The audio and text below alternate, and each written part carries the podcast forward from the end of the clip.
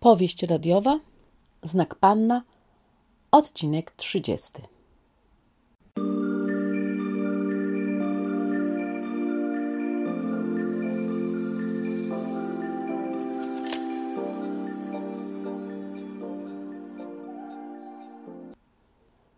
Następnego dnia okazało się, że ten program jakimś cudem miał całkiem sporą oglądalność, bo ponoć wcześniej o tym mobbingu w wiejskiej szkółce pisały jakieś portale internetowe, tylko że ani Marta, ani Anka tego nie wychwyciły. W pokoju nauczycielskim wrzało. W zasadzie wszyscy byli pewni, że Brigitte tego dnia nie przyjdzie do szkoły, bo awantura rozpętała się całkiem niezła. Tymczasem chwilę po ósmej – Brigitte nigdy nie przychodziła punktualnie. Ofiara mobbingu wkroczyła do szkoły. Wyglądała na wypoczętą i zadowoloną z siebie. No, żeby tak wyglądały wszystkie ofiary przemocy w pracy. Hmm. Pierwsze kroki skierowała do sekretariatu, mimo tego, że jej uczniowie już tupali nogami pod salą lekcyjną. Dyrektor poinformował sekretarkę już od rana, że nie ma go dla nikogo. Nikogo nawet gdyby sam biskup przyjechał. Na jego świętobliwość, co prawda, nie było co liczyć, ale dziennikarze, no któż wie. Dyrektor musiał ochłonąć po tym, co widział i chciał przygotować strategię działania. Brigitte nagle przestała być mu na rękę w jego szkole.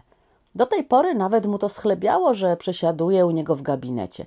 Był gotów poświęcić nawet małżeństwo, nawet kłótnie z żoną przełykał, bo uważał, że w jego wieku też mu się coś od życia należy.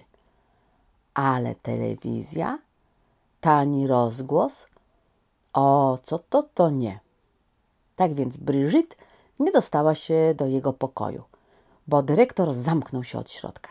Sekretarka starała się nie dawać po sobie znać, że uczestniczy w tym całym cyrku i wie o jego obecności tuż za ścianą.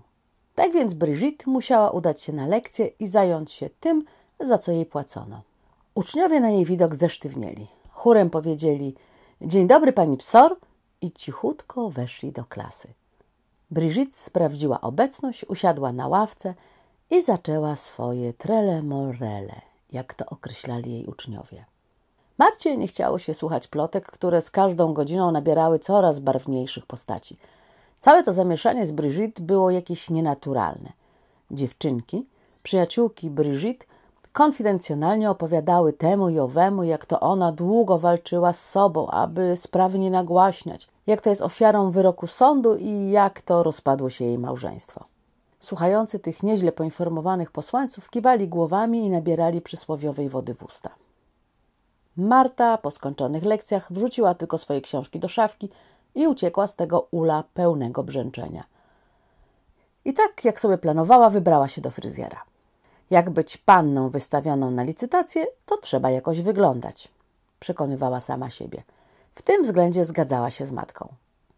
Do fryzjera przeważnie chodziła, jak było jej wszystko jedno lub jak musiała, bo wtedy humoru nie mógł jej popsuć fryzjer swoim brakiem umiejętności. A miała w tym doświadczenia całkiem niezłe jeszcze w czasie studiów, bo była wtedy taka moda, zafundowała sobie trwałą. Fryzjer trzymał jej płyn na głowie jedynie godzinę i 20 minut. No cóż, efekt był prosty do przewidzenia. Dało to totalny filc na głowie. W zasadzie za te spalone włosy powinna go zabić, ale cóż, nie miała odwagi tego zrobić, a przez dwa lata pozostało jej więc ścinanie tego siana z głowy i ratowanie włosów, jak się tylko dało. Potem kiedyś mała fryzjerka, nie sięgająca bez taboretu do jej głowy, ciachnęła jej włosy przy samej skórze, bo nożyczki się jej omsknęły.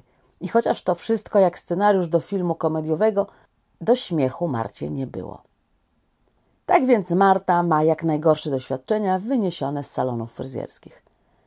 Przed wejściem do salonu przestudiowała uśmiech i postawę pewnej siebie klientki i wkroczyła do tego przybytku poprawiania urody – jak szybko przybrała pozę zadowolonej z siebie, tak szybko podniosło się jej ciśnienie. W salonie przy stoliku kosmetyczki siedziały trzy osoby: dwie kobiety i mężczyzna. Szybko zorientowała się, że nie przyszedł sobie robić pazurków, tylko towarzyszył swojej partnerce. Jak Marta tego nie znosiła. Facetów latających ze swoimi kobietami do ginekologa i do fryzjera czy kosmetyczki. Nigdy nie mogła zrozumieć, po co oni je pilnują. A poza tym, dla niej nie było to komfortowe. Ona z mokrą głową na fotelu.